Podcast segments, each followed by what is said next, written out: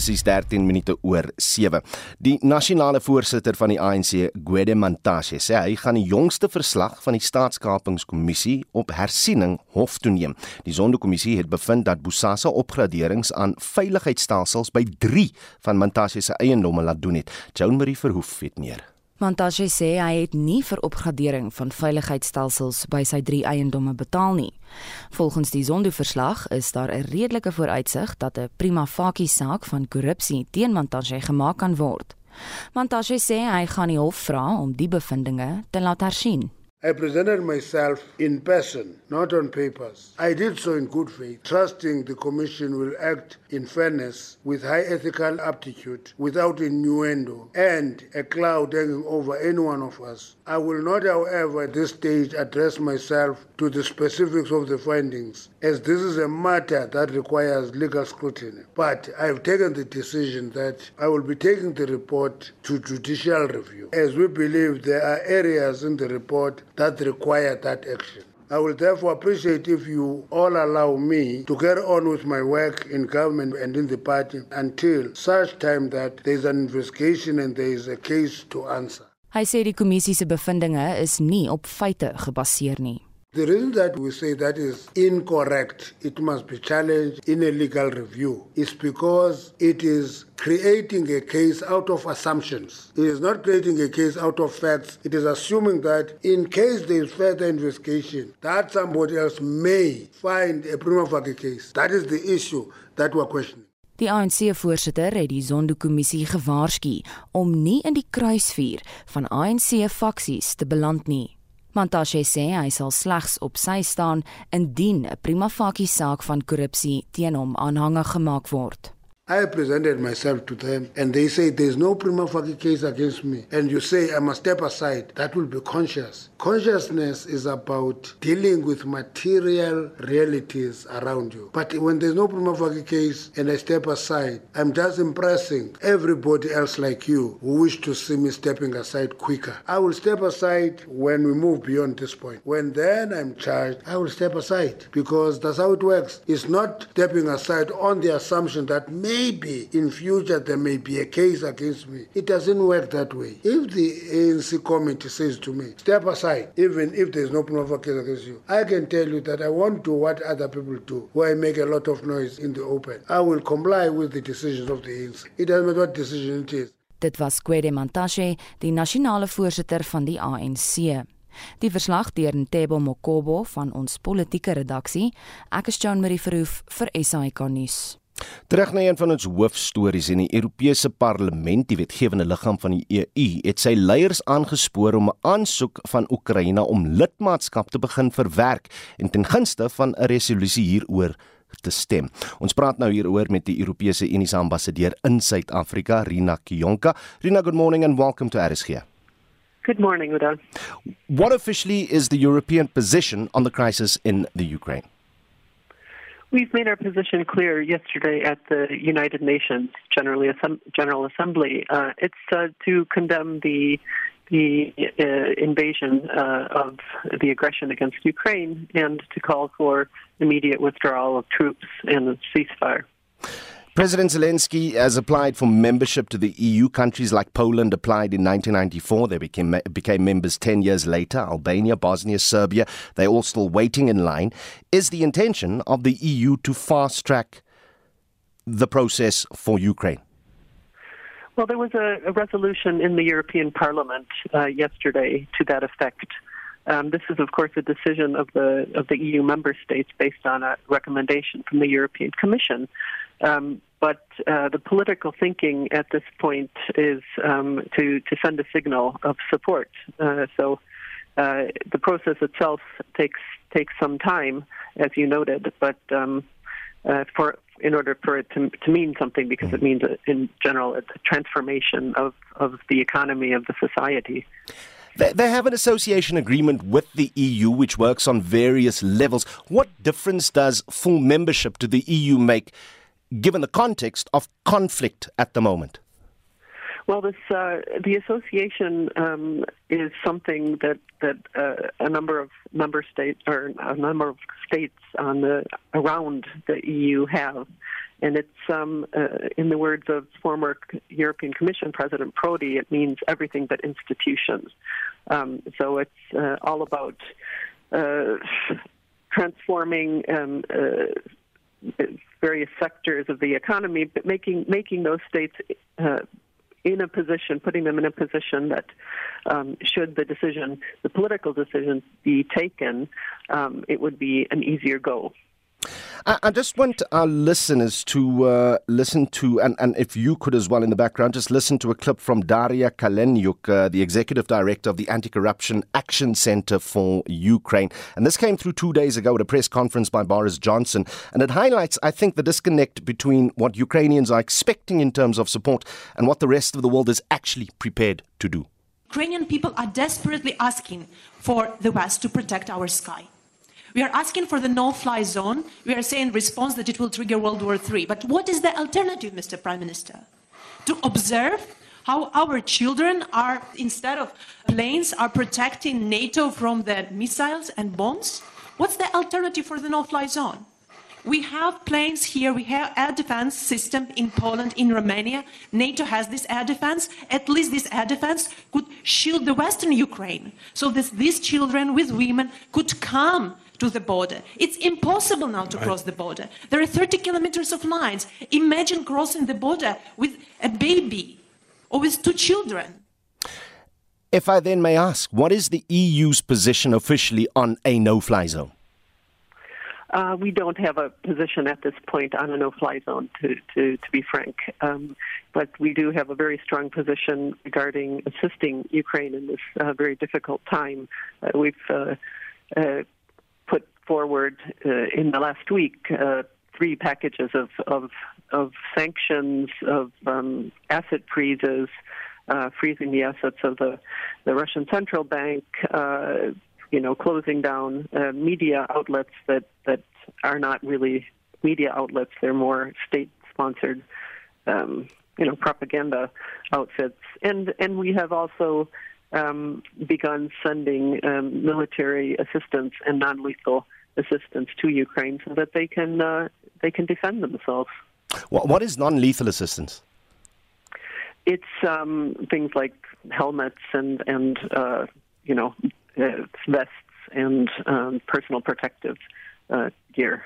So, so when we when we look at the question asked by, for instance, Daria Kalenyuk there, the only alternative right now for the world, for the EU, is to do what you are already doing from a military point of view? Uh, well, yes, um, that's that's the case at the moment. But let's not forget that two weeks ago we were in a completely different situation. Mm. The develop, develop, developments are moving very fast, so I don't exclude um, other measures uh, coming up. All right. Uh, uh, Commission also proposing to activate a temporary protection directive to offer assistance to people fleeing Ukraine. W- what does that directive actually entail? Well, this is a proposal from the European Commission that's been uh, discussed already by EU interior ministers, and uh, they will discuss them again today. Um, and it's uh, it's about um, offering protection to Ukrainian nationals and third country nationals who have long term residence permits in Ukraine, as well as their family members, um, so that they can uh, uh, legally. Um, reside in in the EU uh, and uh, you know work and provide get support in terms of um, education, health, and so forth. The South African government says a diplomatic solution to the crisis in Ukraine should address the security concerns of the parties, but our government has stopped short of condemning the entry of uh, Russia into parts of Ukraine. They also abstained in the uh, resolution yesterday at the General Assembly. What is the EU's view on South Africa's position on the conflict? Well, we're we're very happy that 141 countries uh, joined the resolution yesterday in New York. Of course, we're disappointed that uh, that uh, South Africa did not join but abstained. Um, and uh, frankly, uh, this is uh, this is a situation uh, in which one country has a, a, permanent member of the Security Council has uh, performed uh, military aggression against another independent and sovereign member state of the United Nations. Um, it was unjustified. It's illegal by international law, and we we are puzzled because you know South Africa is um, sees itself and is seen by the world as a, a champion of, of, human rights and international law and rule of law. So there, there's uh, some bewilderment. Hmm. Boris Johnson, he's been unequivocal. Putin is a war criminal. Joe Biden, he stopped short of labeling him as such. What is the EU stance? Is Vladimir Putin a war criminal at the moment? Uh, we are um, continue to stand by by, by international law, and uh, you know, labeling somebody a, a, war criminal is something for for the lawyers once the uh, once the evidence is in. But I would say it's um, uh, the Hague uh, certainly uh, is something that could be in the future.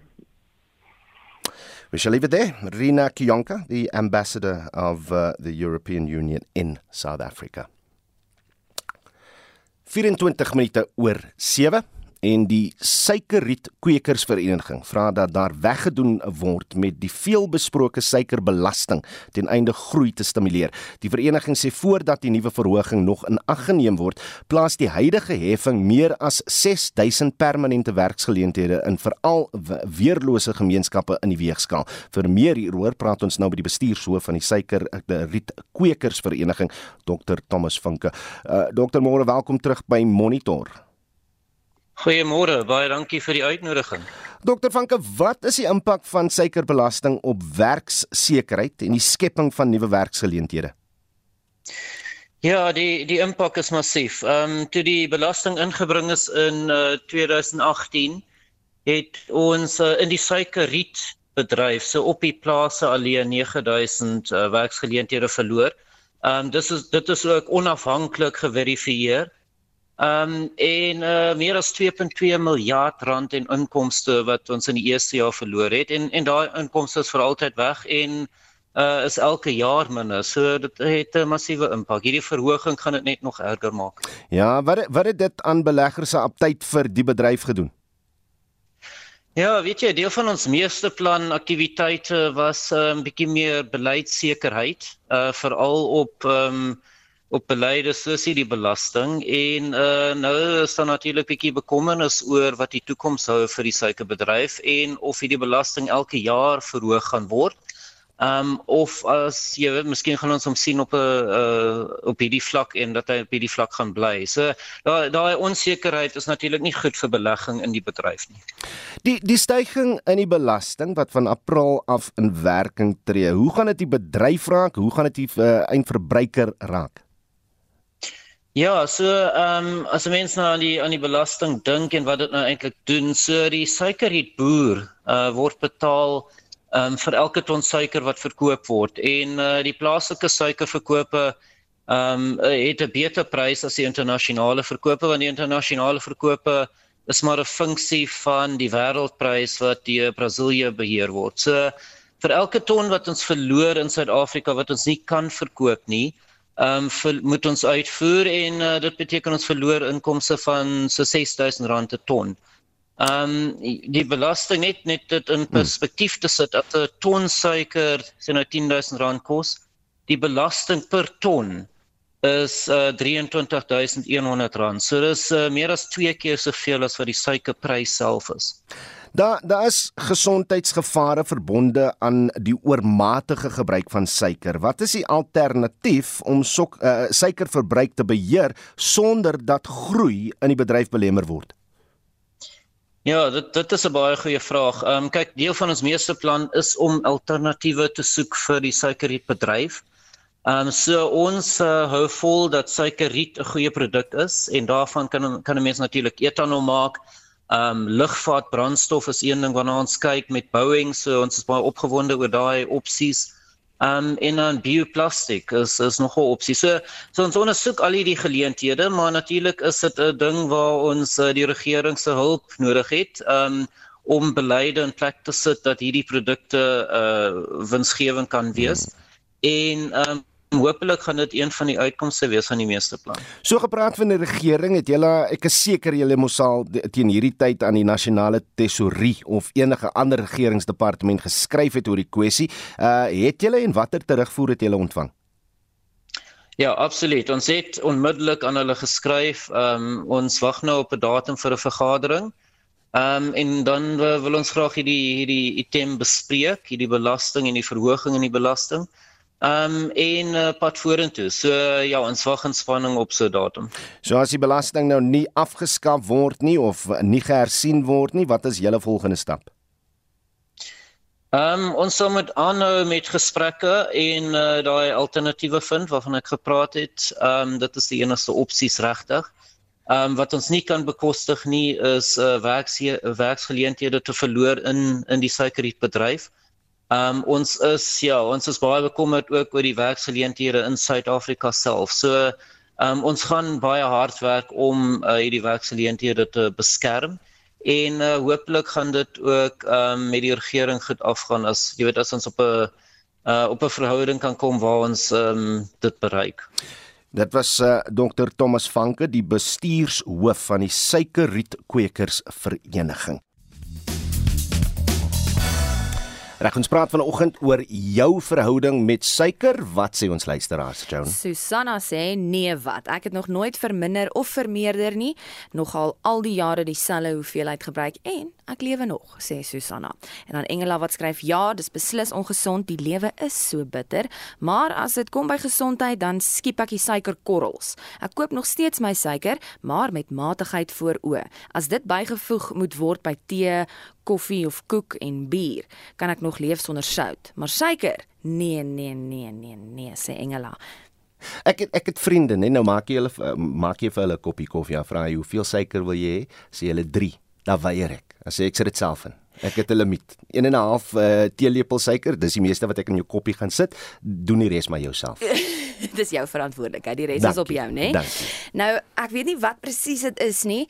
Ehm, um, maar Ek het ewe skielik 'n vreeslike lus vir sjokoladekoek.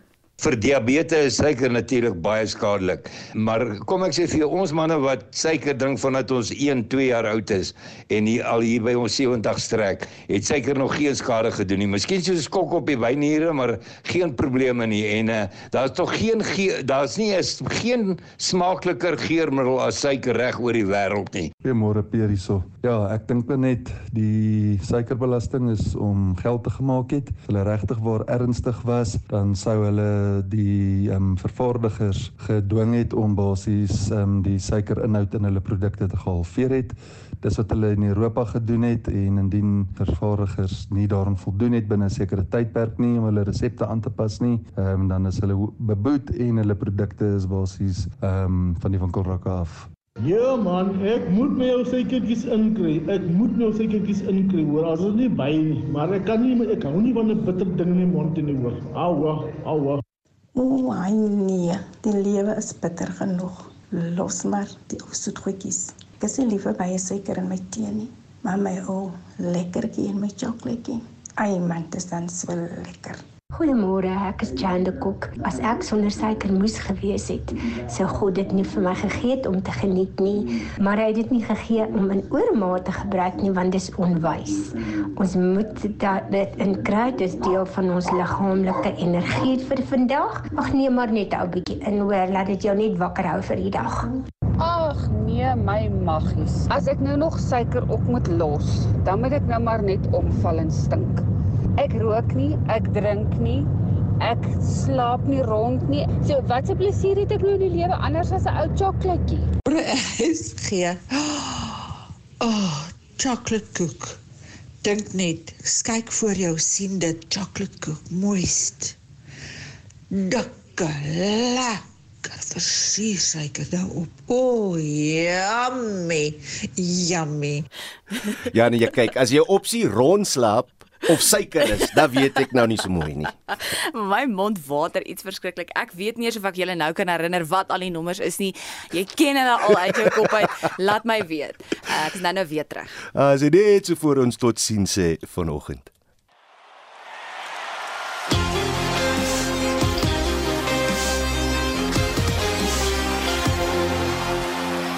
Kom ons beweeg nou na die sportveld met Shaun Jooste. In vanoggend se sport kyk ons na cricket, sokker en golf en ook boksnuus. Cricket Suid-Afrika het gister aangekondig dat die kaartjies vir die twee eendagwedstryde teen Bangladesh op 18 en 23 Maart op SuperSport Park in Centurion uitverkoop is. Slegs 2000 ingeënte toeskouers word by die stadion toegelaat. Daar is ook 'n eendagwedstryd op 20 Maart op die Wanderers in Johannesburg en twee toetse wat na die eendagreeks gespeel word.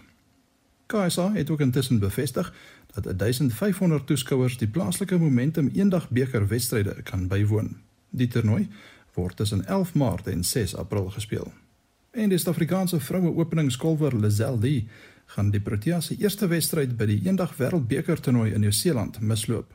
Lee het die week eers in Nieu-Seeland aangekom en moet vir 7 dae in beheerde afsondering en kwarantyne bly voor sy beskikbaar sal wees.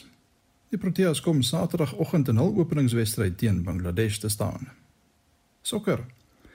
In gisteraand se 5de ronde van die FA beker toernooi in Engeland het Southampton 3-1 teen West Ham United Liverpool 2-1 teen Norwich City en Chelsea 3-2 in 'n wegwedstryd teen Luton geseëvier. Everton speel vanaand na 10 teen Bournemouth. En in die DStv Premier Liga het Mamelodi Sundowns 3-0 met TS Galaxy en Marumo Gallants ook 3-0 met Baroka FC afgereken. AmaZulu en Stellenbosch FC het 2 elk en Orlando Pirates en Cape Town City 1 elk gelyk opgespeel. Sundowns rekkel voorsprong op die punteleer na 18 punte en staan nou op 51 punte na 22 rondes. Op die golfbaan is daar twee toernooie op die PGA Tour wat vandag afslaan. Die Arnold Palmer uitnodiging begin vanmiddag kort na 2 in Bay Hill in Amerika met ses Suid-Afrikaners wat deelneem. Hulle is Christian Besaidnout, Erik van Rooyen, Dylan Fratelli, Brandon Grace en Gary Gigo en Charles Schwartzel. Bryson DeChambeau van die FSA is die verdedigende kampioen. Die Puerto Rico Ope begin vanmiddag kort na 1 in Rio Grande. Davie van der Walt is die enigste Suid-Afrikaanse verteenwoordiger met Brandon Grace wat die toernooi in 2021 gewen het. Op die DP Wêreldreeks het die Keniaanse Ope vanoggend 20 oor 6 in Nairobi afgeslaan met 'n hele reeks Suid-Afrikaners wat deelneem. Dit sluit Oliver Becker, Dean Burmester, Tristan Lawrence, Zander Lombard, Richard Stern Daniel van Tonder en ook die verdedigende kampioen Justin Hardingen om net 'n paar te noem. Die sonskynreeks en uitdagtoers Mangaung Ope het 7 uur in Bloemfontein begin. Van die groot plaaslike name wat op die baan te sien is, sluit Johnny Gu, Wilco Ninaber, Justin Walters en ook JC Ritchie in. Ritchie is op soek na sy derde agtereenvolgende oorwinning wat 'n eerste op die uitdagtoer sal wees. En op die LPGA toer vind die HSBC Vroue Wêreldkampioene toernooi in Singapore plaas. Ashley Buy is die enigste Suid-Afrikaanse deelnemer. Hajo Kim van Suid-Korea beoog om die trofee vir 'n tweede jaar in 'n ry te lig. En laastens die 33-jarige Britse swaargewig kampioen Tyson Fury het gister bevestig dat hy sy bokshandskoene na aanstaande maand se titelgeveg teen sy landsgenoot Dillian White gaan ophang. Die geveg vind op 23 April by die Wembley Stadion in Engeland plaas. Shaun Schuster, RSG Sport. 743 terug na ons hoofstorie vanoggend se wêreldnuus in die stad Kherson in die suide van Oekraïne is nou onder Russiese beheer. Die owerheid sê ook volskaalse aanvalle duur voort in Kharkiv naby die Russiese grens en in Mariupol in die suide. Estie, môre, wat het jy vir ons? Môre Udo, verslae oor die gebeure in Oekraïne verander by die minuut, maar die BBC berig ten minste 2000 mense in Oekraïne is nou reeds dood en Moskou het erken sowat 500 Russiese soldate is sover dood. Hier is die BBC se Mark Lobel oor die Russiese inval in Kherson. The news came out because the mayor of Kherson said that there weren't negotiations but armed visitors coming into the city council. He just asked them not to shoot people uh, and basically has come out with a new list of rules for uh, all the residents there. There's going to be a curfew from uh, 8 p.m. to 6 a.m. There's going to be uh, only cars allowed in if they're bringing in food or medicine or other necessities. And when you walk through the city, you have to walk one by one and you have to stop if you're asked to. Daar word gevrees dat honderde mense dood is in die suidelike kusdorp Mariupol na volskaalse aanvalle. 'n Amptenaar in die stad Isium, 2 ure suidoos van Kharkiv, het bevestig dat 8 burgerlikes, insluitend 2 kinders, vanoggend in 'n lugaanval dood is. Die president van Oekraïne, Volodymyr Zelensky, het in 'n videoboodskap aan burgers gesê hulle moet voortgaan om te veg. We are a nation that broke the enemy's plans in a week. Plans written for years, sneaky, full of hatred for our country, our people. In Kiev is vier ontploffings in die laaste 2 ure gehoor. Amptenare in Moskou het bevestig Russiese magte sal inwoners van Kiev toelaat om die stad in die rigting van die sentrale dorp eh, Vasil te verlaat. Dit is die tweede keer dat Russiese magte aan inwoners van Kiev die geleentheid bied om die stad te verlaat. 'n Ma van Oekraïne, Lilia Romanova, het eh, wat sê sy en haar kinders is nou gewoond aan die sirenes wat in Kiev afgaan en dat hulle waarsku om in hulle ondergrondse skuilings te gaan skuil teen die gevaar, het haar roerende storie aan die BBC vertel. On the second day, the children woke up and made pistols with their Lego to kill the enemy. Our elder daughter doesn't remember dancing anymore. They say they must kill. It shouldn't be like this. It can't be like this. People are dying. Cities are on fire. It's not normal. But I will not leave my country. I will not move. Die Verenigde Nasies sê 1 miljoen vlugtelinge het die land sover verlaat om skuilings te soek in buurlande sedert die oorlog 8 dae gelede in die land uitgebreek het. Die VN se algemene vergadering het Rusland se inval in Oekraïne veroordeel in sy eerste noodvergadering sedert 19 97. En dan is dit soos wat ons ook vroeër berig het, het die internasionale strafhof bekend gemaak hy gaan onmiddellik begin om moontlike oorlogsmisdade teen die Rusland in Oekraïne te ondersoek. Ja, Oudo, die aankondiging is gemaak, maar die BBC het ook vanoggend bekend gemaak dat die Babian Yar Holocaust gedenktuin in Kiev nie deur missiele vernietig is soos wat Zelensky Dinsdag aangekondig het nie. Missiele het wel 'n Joodse begrafplaas en 'n sportstadion daarnaby verwoes. En dan het ons ook net so na sewe gepraat oor die Russiese miljarder Roman Abramovich wat die eie eienaar is van Chelsea sokkerklub uh, en hy het gesê hy sal die klub verkoop en die opbrengs skenk aan 'n liefdadigheidsorganisasie organisasie ten bate van alle slagoffers van die oorlog in oorlog in Oekraïne. Ja, hy het in 'n verklaring gesê dit sluit die verskaffing van kritieke fondse in vir die dringende en onmiddellike behoeftes van slagoffers sowel as die ondersteuning van die langtermyn herstelwerk in Oekraïne. Hy het ook gesê hy sal nie die 1,5 miljard rand se lenings wat hy aan Chelsea gemaak het van hulle verhaal nie. Abramovich is onder die soeklig nadat Brittanje aangekondig het hy gaan sanksies teen hom instel omdat hy geïdentifiseer is as iemand wat baie na is aan Vladimir Putin of aan die Kremlin. En dit was Estie met 'n oorsig oor die situasie in Oekraïne. Die Verenigde Nasies se omgewingskonvensie het gister beraad waar voorstelle vir 'n internasionale verdrag oor plastiekbesoedeling in Nairobi, Kenia bespreek is, beëindig. Die omgewingsministers en ander verteenwoordigers van 170 lande het die 3 dae lange beraad bygewoon. Die tema was die versterking van die natuur om volhoubare ontwikkelingsdoelwitte te bereik. Ons praat nou met professor Henk Bouman van die Noordwes Universiteit se departement dierkunde. Prof, môre welkom by Monitor. Goeiemôre Udo Anita en luisteraars. Is daar 'n ooreenkoms oor plastiekbesoedeling bereik tussen die 170 lande? Ja en nee. Die ooreenkoms wat bereik, ja, die ooreenkoms wat bereik is, is om 'n ooreenkoms te bereik. Met ander woorde, die onderhandelinge moet nog begin. Maar dit is 'n dramatiese deurbraak en iets wat ons dan baie baie lank verwag. Dus dit gaan 'n konvensie word uh waar daar beide waar waar diplomatieke uh, insette gaan gegee word en lande is die lede van die konvensie daar gaan wetenskaplike insette gegee word siviele organisasies en ook, ook die private sektor en, en ek moet sê dit gaan een van die groot konvensies wees in afgelope afgelope klomp jare weet ons hoe lank dit nog gaan neem wanneer die konvensie nou gesluit sal word?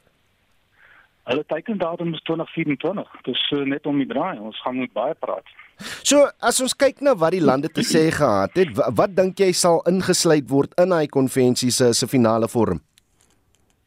Die uh, so konvensie tipiese uh, formaat um, wat hulle uit eerste raamwerk het en die raamwerk is uh, source to see.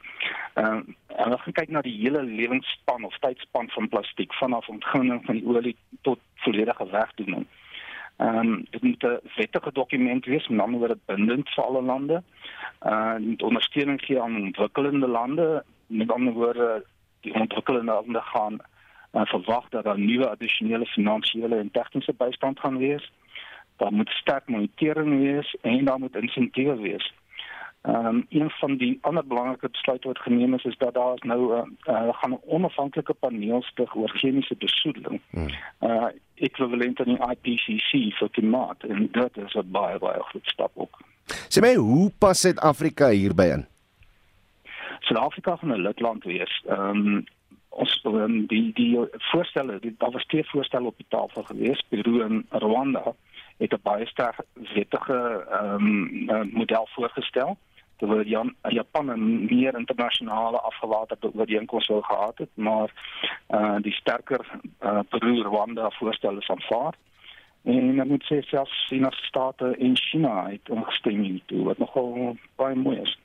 Ek ben nog altyd geweet ek net persoonlik ek, ek herwin nou by die huis ek sit hom in 'n uh, herwinningsblik mm -hmm. en dan gaan hy nou in die stelsel in maar maar die groot probleem professor is nog steeds dat daai plastiek nou nie weer by die produksieproses ingesluit word nie of baie min van hy plastiek word weer by die produksieproses ingesluit en dan skuif hierdie hierdie vuilis basies maar net rondom die wêreld. Ja, die probleem is dit is 'n globale probleem. In begin van die huis af, begin van wêreld af. En om 'n globale probleem aan te spreek, het jy globale oplossings nodig.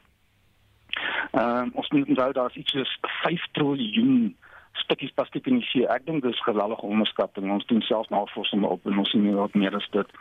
Ehm um, 400 miljoen ton ehm um, plastiek word vervaardig elke jaar waarvan 40% is enkel gebruik en net 10% soos wat jy noem, uh word dan hergebruik of herwin. Ehm um, 8 miljoen ton plastiek bereik die see. Hmm. Ehm um, en ons moet besef nie alle plastiek kan herwin word nie. Ehm um, baie van hulle is kan nie anders gebruik as net soos dit was nie. En ons natuurlik impak op die land. Ehm um, soos vir by die bron by ons by ander. Nou, ons sien uit na daai finale konvensie en ons sal weer later gesels hoe nader ons daarby kom, maar dit was professor Henk Bouman in die huis van die Noordwes Universiteit se departement dierkunde. Die Kreerwiltuin en die Universiteit Stellenbosch doen navorsing oor tuberkulose onder wilde diere in die wildtuin. Sowat 49 olifante is reeds vir menslike TB getoets sedert 'n volwasse bil in 2016 weens die siekte dood is. Toetsing is intussen verskerp. Ons praat nou met Dr. Wynand Goshen van die Diere TB Navorsingsgroep verbonde aan die Universiteit Stellenbosch oor die projek. Uh, dokter, môre welkom by uh, Monitor. Goeiemôre Oudo en Anita. Daai baie dankie dat julle my genooi het om te kan praat vanoggend. Hoe groot is hierdie probleem onder wilde diere in die Kreerwiltuin?